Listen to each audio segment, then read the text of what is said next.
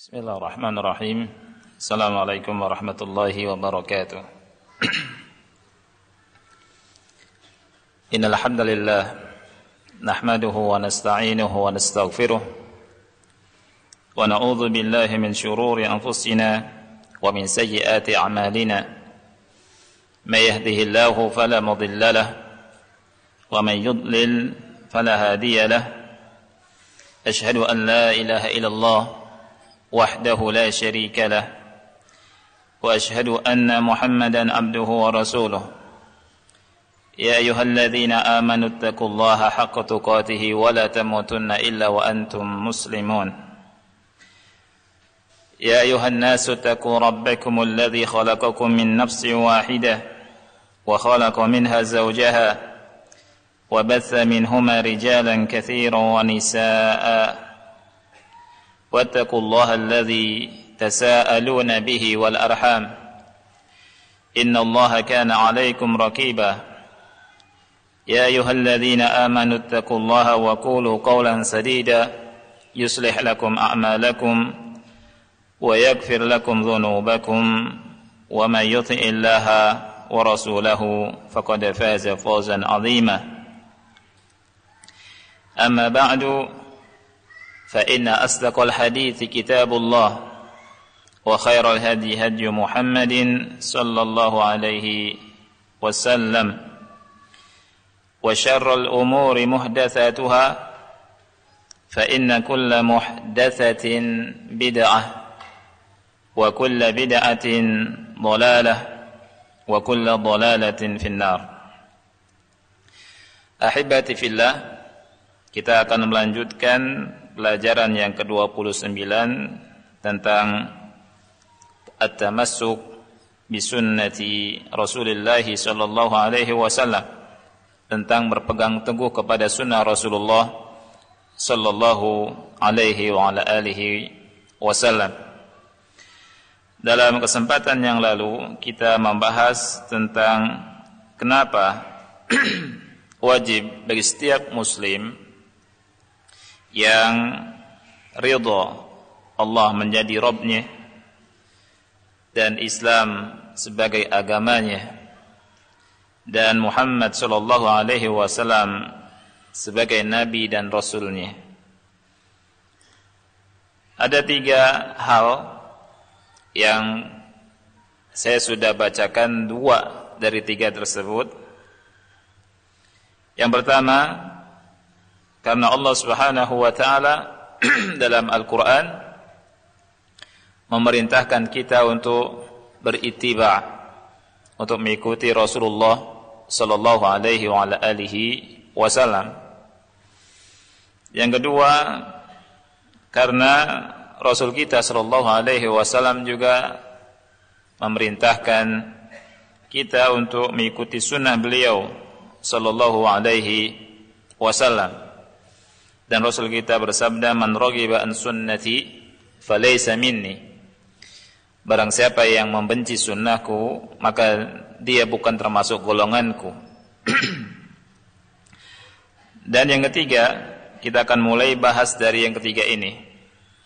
Yang ketiga, penulis berkata, "Lianna as-sahabata radhiyallahu anhum wal ulama'u قديما وحديثا يأمرون بالتمسك بسنة رسول الله صلى الله عليه وسلم ويحذرون ويحذرون من مخالفة هديه صلى الله عليه وسلم dan yang ketiga karena para sahabat para sahabat Rasulullah sallallahu alaihi wasallam dan para ulama dulu sampai sekarang mereka memerintahkan kita semua untuk berpegang teguh berpegang teguh kepada atau dengan sunnah Rasulullah sallallahu alaihi wasallam dan mereka semua memberikan peringatan dari menyelisihi sunnah Rasulullah sallallahu alaihi wasallam. Yang pertama, beliau menurunkan perkataan sahabat yang mulia Abdullah bin Mas'ud radhiyallahu an.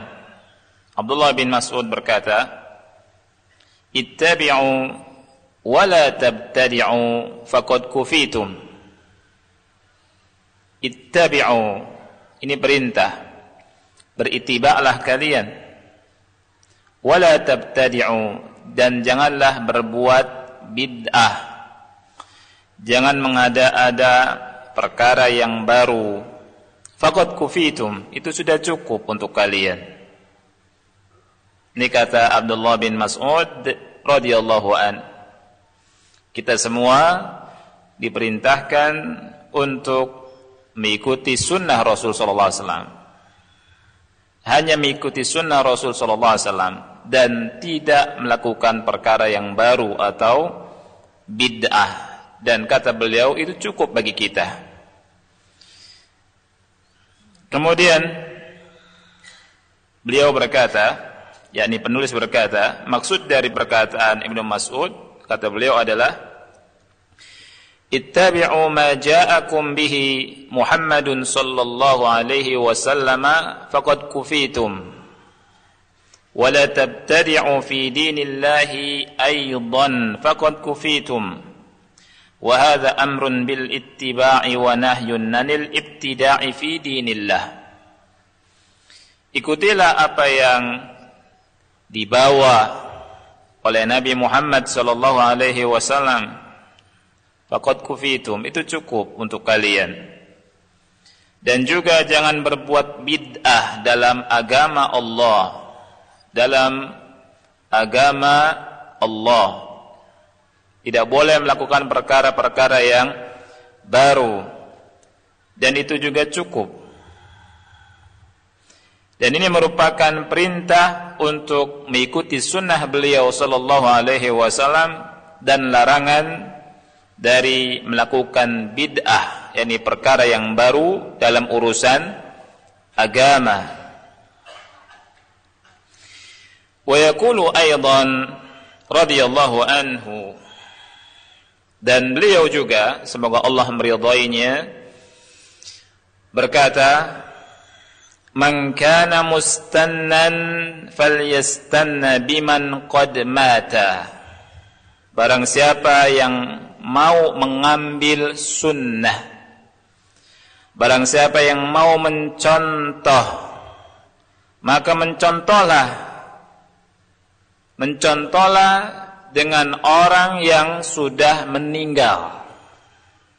Ambillah contoh dari orang-orang yang sudah meninggal. Apa alasannya? Beliau radhiyallahu an berkata, "Fa innal hayya la tu'man 'alaihi al-fitnah." Karena orang yang masih hidup tidak aman dari fitnah. Subhanallah ikhwani fillah. Kita diingatkan oleh Abdullah bin Mas'ud radhiyallahu an ya.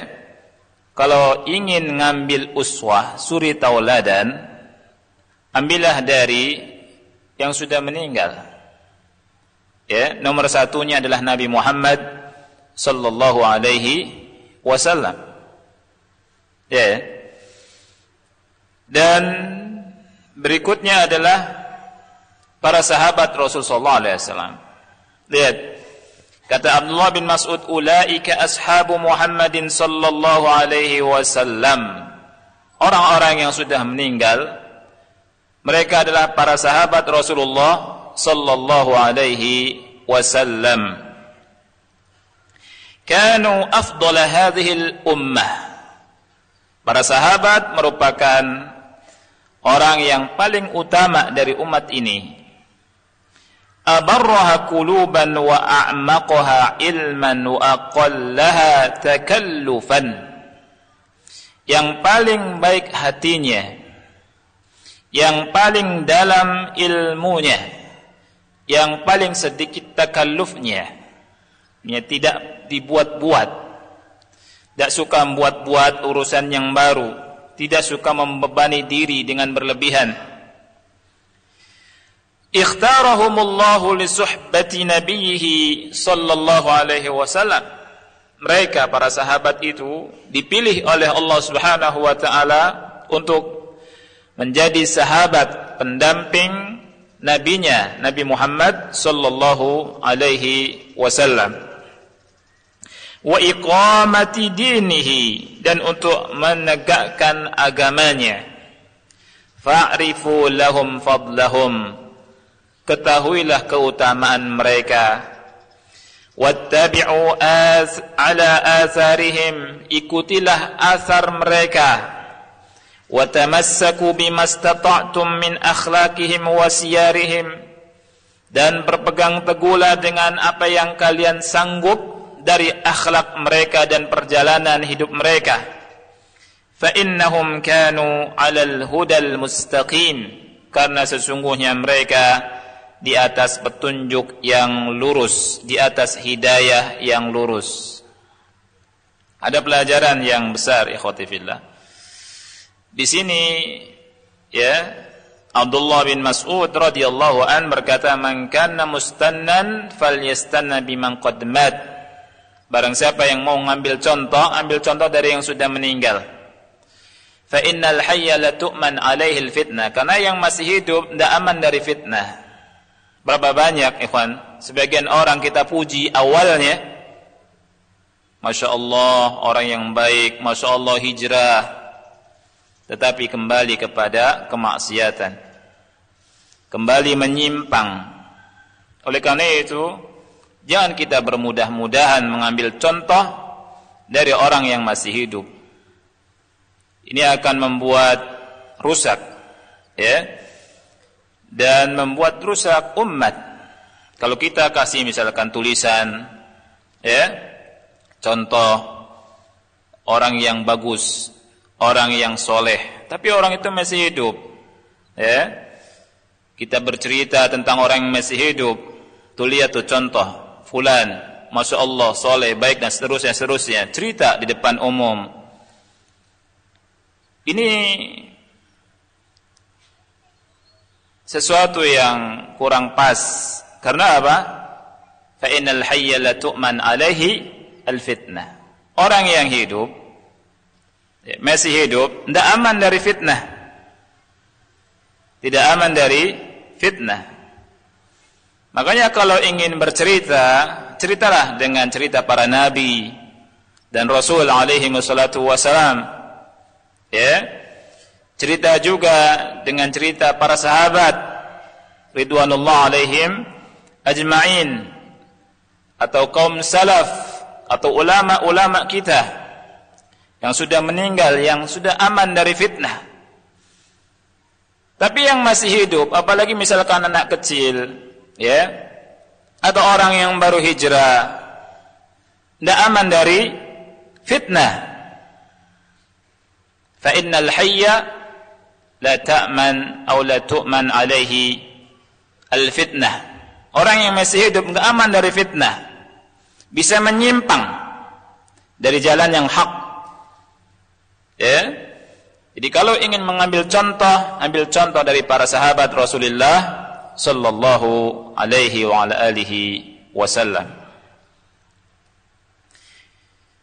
وهذا الحسن البصري رحمه الله يقول dan Al Hasan Al Basri rahimahullah beliau berkata As-sunnatu والذي لا إله إلا هو بين الغالي والجافي فاصبروا عليها رحمكم الله فإن أهل السنة كانوا أقل الناس فيما مضى وهم أقل الناس فيما بقي هم الذين لم يذهبوا مع أهل الترف في إطرافهم ولا مع أهل البدع في بدعهم وصبروا على سنتهم حتى لقوا ربهم حتى لقوا ربهم. فكذلك إن شاء الله فكونوا.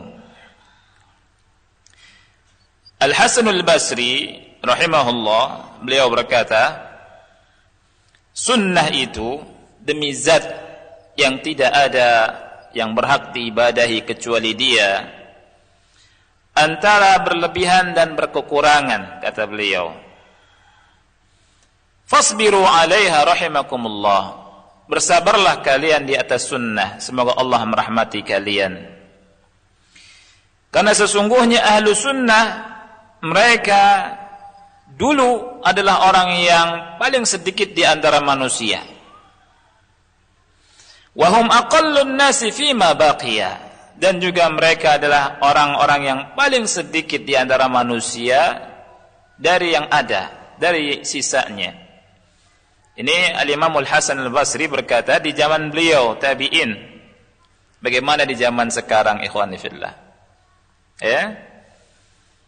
Karena Islam asing.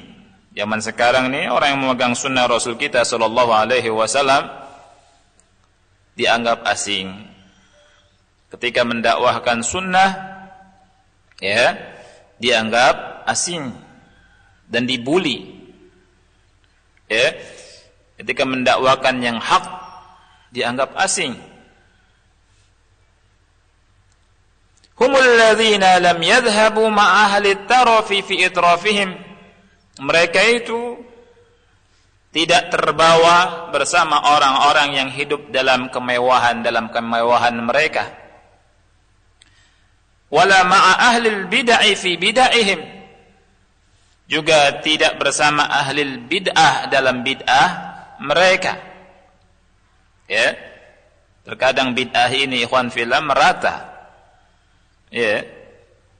Apalagi di zaman-zaman fitnah di zaman fitnah. Nah, ini ahlu sunnah sedikit tegar di atas sunnah Rasul kita Sallallahu Alaihi Wasallam. Tidak ikut-ikutan, eh? tidak ikut-ikutan demo, tidak. Tidak ikut-ikutan berbid'ah bid'ah ria, berkumpul-kumpul banyak, walaupun dengan jutaan misalkan orang ahlu sunnah berada dalam prinsipnya. Ya. Wala ma'a ahli bid'ah fi bid'ahihim. Tidak akan bersama ahli bid'ah dalam bid'ah bid'ah mereka. Wasabaru ala sunnatihim. Dan mereka betul-betul sabar di atas sunnah mereka. Hatta laqu rabbahum hatta laqu rabbahum sampai mereka berjumpa dengan Rabb mereka. Fakadzalika insyaallah fakunu dan demikianlah insyaallah hendaklah kalian menjadi seperti mereka. Seperti ahlu ahlu sunnah yang tegar di atas sunnah Rasulullah sallallahu alaihi wa ala alihi wasallam. Wa hadha amru وهذا عمر ابن عبد العزيز يكتب كتابا لرجل يقول فيه أما بعد أوصيك بتقوى الله والاقتصاد في أمره واتباع سنة نبيه صلى الله عليه وسلم وترك ما أحدث ما أحدث المحدثون فعليك بلزوم السنة fa innaha laka biidznillah ismah Umar bin Abdul Aziz pernah menulis sebuah risalah surat ya kepada seseorang. Di dalam surat tersebut dia berkata amma ba'd aku wasiatkan engkau untuk bertakwa kepada Allah. Kemudian tidak berlebihan dalam perkara dalam perkaranya wattiba'i sunnati nabiyhi sallallahu alaihi wasallam. Dan aku wasiatkan untuk berittiba kepada sunnah nabinya Muhammad sallallahu alaihi wasallam. Serta meninggalkan perbuatan-perbuatan baru yang diada-adakan oleh mereka. Fa'alaika biluzumis sunnah. Wajib atas engkau untuk melazimi sunnah. Fa laka biidnillahi ismah karena sesungguhnya sunnah itu biidnillah dengan izin Allah sebagai ismah yakni menjaga engkau penjaga engkau ini sunnah Kemudian Sufyanus Tsauri rahimahullah juga berkata ikhwati fillah istausu bi, bi ahli sunnati khaira. Ya. Dia berwasiat untuk berbaik-baik dengan ahli sunnah. Kata beliau fa innahum ghuraba karena mereka adalah orang-orang yang dianggap asing. Orang-orang yang dianggap aneh, ghuraba. Ya. Orang-orang yang dianggap aneh, asing dari sisi akidah, dari sisi ibadah, dari sisi muamalah, dianggap asing, aneh. Badal Islamu ghariba sayaudu ghariba kama bada'a fatuba ghuraba kata Rasul sallallahu alaihi wasallam. Islam dimulai dengan asing akan kembali asing seperti semula maka berbahagialah orang-orang yang dianggap asing. Ghuraba Ya. Wa qala rahimahullah aidan li dan Sufyan Tsauri juga pernah berkata kepada seseorang Idza balagaka an rajulin bil masyriqi sahibi sunnatin fab'ath ilaihi bis salam subhanallah. Apabila ada berita yakni ada seseorang yang kau tahu yang sampai beritanya padamu di daerah masyrik di daerah timur ya dan dia adalah sahibu sunnah maka sampaikanlah salam dariku. Wa idza balaghaka an rajulin bil maghribi sahibi sunnah fab'ath ilaihi bis apabila ada kabar sampai kepadamu ada seseorang di Maghrib di daerah bagian barat Maghrib juga bisa diartikan daerah Maroko ya maka sampaikan salam dariku faqad qalla ahlu sunnati wal jamaah karena ahlu sunnati wal jamaah sudah sedikit qad qal kata beliau yakni sedikit ahlu sunnah itu ya oleh karena itu ikhwati fillah, kita harus belajar tentang apa itu ahlu sunnati wal jamaah. Ya. Apa akidah, baga bagaimana akidah mereka? Ini yang paling penting. Bagaimana manhaj mereka? Karena banyak sekarang orang mengaku dirinya ahlu sunnah wal jamaah. Ya. Kullun yadda'i waslan bilaila wal laila la tuqiru bidzak semuanya mengaku ada hubungannya dengan Laila sedangkan Laila tidak tidak me, tidak mengakuinya semua kita bisa menganggap dirinya ahlu ahlu sunnah. Nah, ini yang harus kita pelajari betul-betul baik-baik akidah yang hak akidah ahlu sunnati wal jamaah yang bagaimana. Jangan asal dengar baca pelajari dari ulama-ulama ahli sunnah wal jamaah ya. Wa qala sufyanu rahimahullah sufyan rahimahullah beliau berkata la yastaqimu qaulun illa bi'amal. Ucapan tidaklah dianggap lurus kecuali kalau dibuktikan dengan amalan. Wala yastaqimu qaulun wala amalun illa bin niyyah begitu juga ucapan dan amalan artinya perbuatan tidak dianggap lurus kecuali dengan niat yang baik niat yang benar. Wala yastaqimu qaulun wa amalun wa niyyatun illa bimuwafaqatis sunnah. Dan ucapan amalan niat yang lurus niat yang benar belum dianggap lurus kecuali sesuai dengan sunnah Nabi Muhammad sallallahu alaihi wasallam ini perkataan yang luar biasa dari Sufyan Ats-Tsauri rahimahullahu taala ya jadi kita ikhwan fillah harus belajar apa itu ahlu sunnah wal jamaah tentang akidah ahli sunnati wal jamaah, akidah salaf. Jangan asal dengar-dengar saja. Ambil kitab, pelajari, baca dari awal sampai akhir. Akidah ahli sunnah wal jamaah supaya tidak terbawa-bawa. Ya. Semua orang sekarang boleh, eh, bukan boleh, yakni mengatakan aku ahlu sunnah, kami ahlu sunnah. Ya. Tapi enggak paham apa itu ahlu ahlu sunnah wal wal jamaah.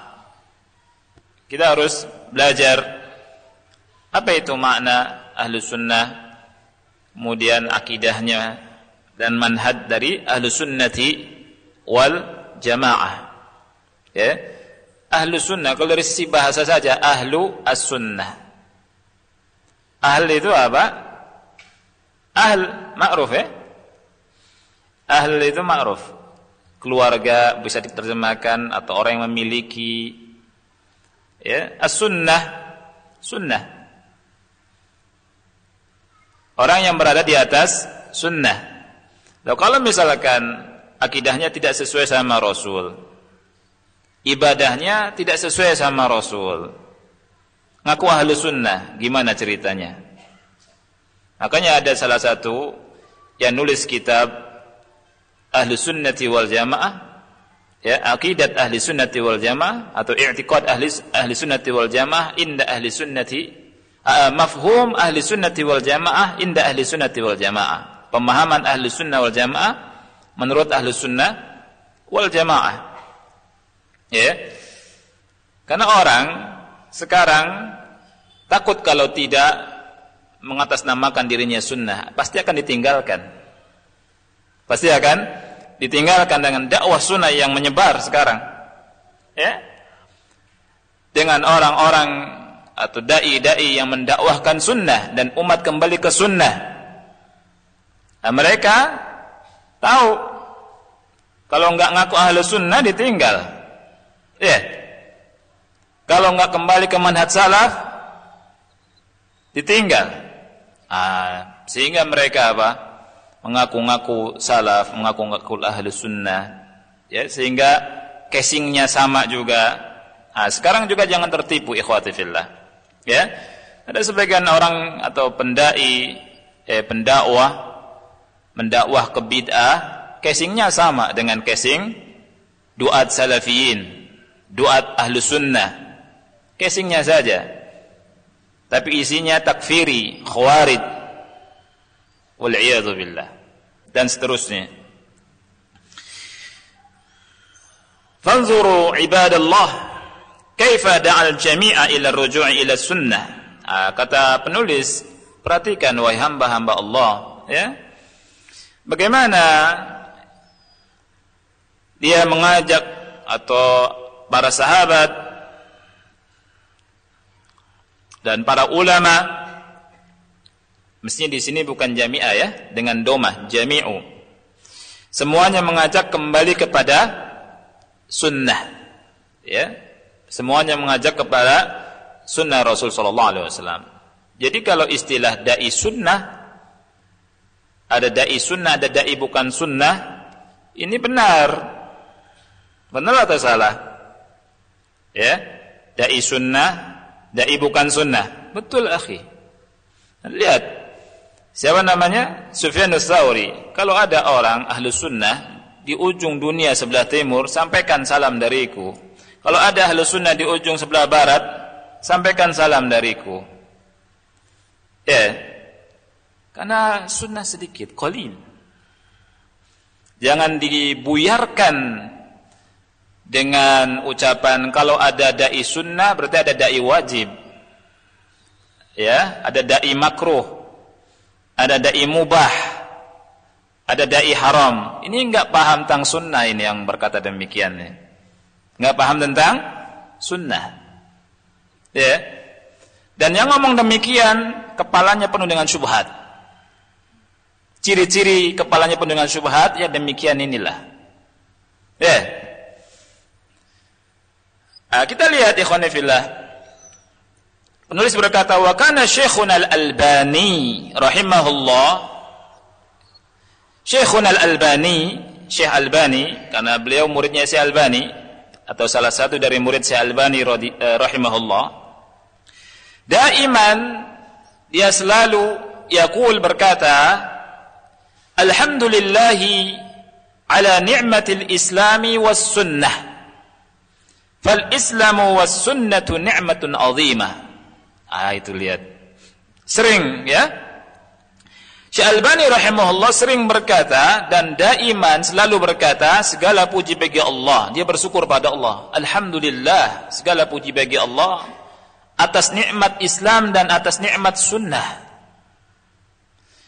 Islam dan sunnah merupakan nikmat yang besar. Islam dan sunnah merupakan nikmat yang besar. Oleh karena itu di antara doanya Imam Ahmad rahimahullah, Allahumma Ya Allah, matikanlah aku atau wafatkanlah aku di atas Islam dan sunnah. Bukan di atas Islam saja, tapi di atas Islam dan sunnah. Untuk mempertegas. Walaupun Islam dan sunnah bukan sesuatu yang dipisahkan. Sunnah itu Islam. Islam itu adalah sunnah. Tapi banyak kaum muslimin yang tidak paham sunnah nabinya Nabi Muhammad sallallahu alaihi wasallam. Kemudian muallif berkata wa kam minal muslimina hurimu ni'mata sunnati Rasulillah sallallahu alaihi wasallam wa man manna Allah azza wa jalla alaihi bitamassuki bi sunnati Rasulillah sallallahu alaihi ومن من الله عز وجل عليه بالتمسك بسنة رسول الله صلى الله عليه وسلم يعلم ويدرك أن فضل الله عليه عظيم ويحمد الله دائما على نعمة الإسلام وكذلك يحمد الله دائما على أن وفقه للسنة.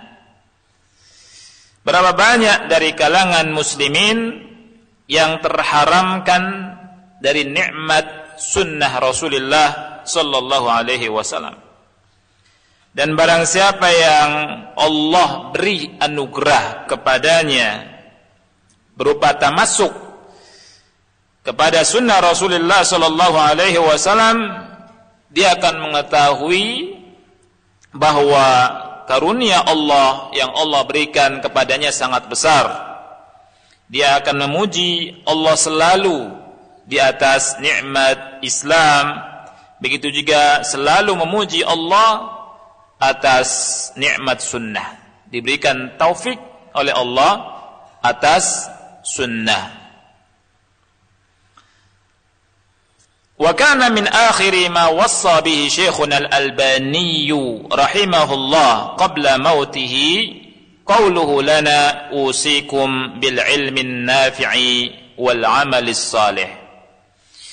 Beliau berkata ikhwati fillah di antara apa yang diwasiatkan oleh Syekh Albani di akhir hidup beliau sebelum beliau wafat ya adalah ucapan beliau kepada kami kata beliau kata penulis kitab ini ya. Ini muridnya Syekh Albani Abu Islam Saleh bin Toha Abdul Wahid beliau berkata usikum bil ilmi nafi'i wal amalis salih Syekh Albani berkata kepada murid-muridnya, menasihati dan mewasiati murid-muridnya, aku wasiatkan kalian ya untuk semangat menuntut ilmu yang manfaat dan beramal soleh. Ya. Ini nasihat juga kepada kita ikhwah untuk belajar ilmu yang bermanfaat. Dan ilmu ini luas, sangat luas sekali, sangat luas sekali, subhanallah. Sangat-sangat luas. Antum masuk ke salah satu bidang ilmu Islam, coba antum sebutkan ilmu apa? Masuk seperti masuk di tengah samudra. Tidak tahu dasarnya dan tidak tahu tepiannya. Sebutkan ilmu apa? Dari ilmu Islam. Ilmu bahasa Bahasa Arab Allah luasnya minta ampun akhi. Luasnya minta ampun. Bahasa pun ada ilmu nahu, ilmu sorof. Ilmu sorof saja luasnya minta ampun. Nahu luasnya luar biasa. Belum balaghah. Ada bayan, ada badi', ada ma'ani. Ilmu adab, ilmu sastra, baru bahasa. Ya. Itu luar biasa. Dan satu ilmu yang kita masuki, Allah kita kelelep. Ya. Enggak tahu ujungnya wala enggak enggak tahu dasarnya, enggak tahu tepiannya. Semakin kita baca, semakin kerdil kita di atas di di di di, di ilmu Islam. Wa ilmu tauhid yang paling penting di antara semua ilmu juga luar biasa. Banyak yang belum kita tahu. Ya. Banyak yang belum kita tahu. Oleh karena itu di majlis yang mulia ini ikhwati fillah ya, karena umur kita sedikit, ilmu luas, belajar ilmu tauhid. Kita tanya pada diri kita sendiri, ya, apa kita sudah selesaikan dari ilmu tauhid? Dari kitab apa yang sudah kita selesaikan? Dibacakah? Atau duduk di majlis? Ya. Nah ini. Saya Bakar Abu Zaid rahimahullah memberikan yakni nasihat di buku beliau di kitab Hilyatu Talibil Ilm urutan untuk ilmu ilmu tauhid kita belajar al-usul salasa atau salasatul usul. Ya. Kemudian masuk ke kitab al-qawaidul arba' masuk lagi ke kitab kafis syubuhat. Masuk lagi ke kitab apa? Kitab tauhid. Ini semua tauhid uluhiyah. Kemudian tauhid asma wa sifatnya. Kita belajar akidah wasitiyah kemudian tadmuriyah kemudian hamawiyah tahawiyah. Kan banyak tuh. Ya ini tauhid asma wa sifat baru. Atau ambil satu kitab yang bagus, Al-Qawaidul Musla fi Sifatillah Ta'ala wa Asma'ihil Husna, tulisannya Syekh Muhammad bin Shalih Utsaimin rahimahullahu taala. Ini tauhid. Ya. Belajar juga tentang makna la ilaha illallah. Apa maknanya dari makna la ilaha illallah? Rukunnya, syarat-syaratnya, pembatal-pembatalnya. Karena tidak mungkin kita bisa membela la ilaha illallah kecuali dengan mengilmuinya. Kata Allah, fa'lam annahu la ilaha illallah. Tidak mungkin kita bisa membela kalimat tauhid kecuali di antara syaratnya dengan mengilmuinya. Al-ilmu nafyan wa itsbatan.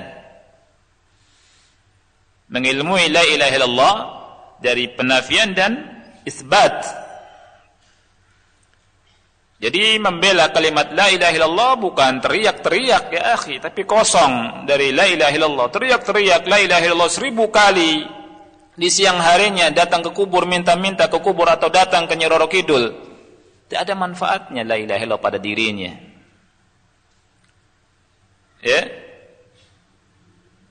Ah, ini ilmu yang paling manfaat tauhid. Ya. Kemudian ilmu hadis, ilmu fikih, ilmu tafsir. Oh, banyak sekali. Oleh karena itu, kita harus semangat dan jangan buang-buang waktu. Dan dalam majlis kita harus meningkat. Meningkat. Kita bermajlis itu bukan asal rame. Bukan asal banyak. Tapi kita bermajlis, kita ini butuh apa? Kita ini belum bisa apa? Ya itu. Baru bermajlis. Supaya tidak membuang waktu. Sekali lagi umur sangat pendek, ilmu sangat luas. Ya. Dan bermajlis juga jangan ngicip-ngicip ustad. Ngucap ustad ini rasanya gimana, ya. Ustad ini rasanya gimana gitu kan? Ya. Panggil sana, panggil sini, Kemudian apa? Kemudian tematik ya. Tematik enggak selesai-selesai. Sepuluh tahun enggak ada enggak ada satupun bekasnya dari atau tidak ada satupun dari kitab yang selesai. Iya. Yeah. itu. Padahal ngaji bacaan belum lurus, belum benar, Quran belum khatam misalkan ya Oleh karena itu Hanfilah, mari kita perbaiki diri-diri kita semua. Cari majelis-majelis yang teratur. Bukan berarti majelis-majelis yang tadi tidak bermanfaat, ada manfaatnya. Ya. Tetapi yang lebih manfaat buat kita apa? Nah itu. Karena kita belajar itu lihat yang aham, fal muhim. Mana yang lebih penting buat kita? Kemudian yang penting lain terusnya, terusnya. seperti itu. Ya. Dan kalau ada majlis-majlis tentang tauhid, tentang akidah, kejar. Itu sangat penting buat kita. Kita belajari. Baik. Kemudian Syekh Al-Albani rahimahullah berkata, "Al-ilmu an-nafi' huwa qala Allah Qala rasuluhu, qala sahabatu, wal salihu huwa ma kana lillahi wa wafaqa as-sunnata. Ilmu yang bermanfaat adalah firman Allah, adalah sabda Rasulnya sallallahu alaihi wasallam, adalah perkataan sahabat. Dan amal soleh adalah yang diperuntukkan untuk Allah yang ikhlas karena Allah dan yang sesuai dengan sunnah Rasulullah sallallahu alaihi wa ala alihi wasallam. Kemudian di halaman 330 ikhwani fillah beliau berkata Allah memerintahkan kita untuk berittiba kepada sunnah Rasulullah sallallahu alaihi wasallam dan memberikan peringatan dari menyelisih sunnah Rasulullah sallallahu alaihi wasallam dan Nabi sallallahu alaihi wasallam memberikan perintah untuk mengikuti sunnah beliau dan memberikan peringatan dari menyelisihi beliau. Begitu juga para sahabat dan ulama dari dulu sampai sekarang memerintahkan untuk mengikuti sunnah beliau dan memberikan peringatan dari menyelisihnya. Taib. Pertanyaannya ikhwati fillah kata beliau, "Atadruna lima ya ibadallah?" Kenapa demikian wahai hamba-hamba Allah? Ya. Atadrun? Apakah kalian tahu kenapa? Ah, jawabannya ada beberapa hal. Yang pertama, li'anna fi ittiba'i sunnati al-huda wa fi mukhallafatiha ad-dhalala. Karena dalam mengikuti sunnah kita mendapatkan bimbingan, petunjuk. Ya, dalam mengikuti sunnah ada petunjuk. Dan dalam menyelisih sunnah Rasul sallallahu alaihi wasallam ada kesesatan. Artinya orang yang mengikuti sunnah Rasul SAW akan terbimbing dan orang yang menyelisih sunnah Rasulullah sallallahu alaihi wasallam akan tersesat. Rasul sallallahu alaihi wasallam yahdi al-bashariyata ila kulli khair. Karena Rasul SAW memberikan petunjuk manusia semuanya kepada segala kebaikan. Dasarnya adalah firman Allah surat Asy-Syura ayat 52. Allah berfirman, wa innaka latahdi ila siratim mustaqim. Sesungguhnya engkau wahai Muhammad betul-betul memberikan petunjuk kepada jalan yang lurus. Kemudian surat al-mu'minun ayat yang ke-73. Allah berfirman wa innaka latad'uhum ila siratim mustaqim. Sesungguhnya engkau wahai Muhammad menyeru mereka kepada jalan yang lurus. Kemudian dalam surat An-Nur ayat 54 Allah berfirman, "Wa in tuti'uhu tahtadu." Kalau kalian mentaatinya, mentaati Rasul, kalian mendapatkan petunjuk. Wa ma 'alal rasuli illa al-balagul mubin dan tidak ada ya kewajiban bagi Rasul melainkan hanya menyampaikan al-balagul mubin dengan penyampaian yang jelas. Ya. Ini masih banyak? Sudah isya belum? Sudah ya? Ya, insyaallah kita lanjutkan pada pertemuan berikutnya. Ya. Kenapa kita harus mengikuti sunnah Rasul sallallahu alaihi wa alihi wasallam? Kemudian contoh-contoh dari sahabat dalam berpegang teguh ya kepada sunnah Rasul sallallahu alaihi wasallam dan faedah dari apa yang kita pelajari di malam hari ini. Insyaallah taala Semoga Allah Subhanahu wa taala memudahkan kita untuk bisa mengamalkan ilmu yang kita dapat dan semoga Allah Subhanahu wa taala menguatkan kita untuk mengamalkan perintahnya dan meninggalkan larangannya. Subhanakallahumma bihamdika أشهد أن لا إله إلا أنت أستغفرك وأتوب إليك. والسلام عليكم ورحمة الله وبركاته.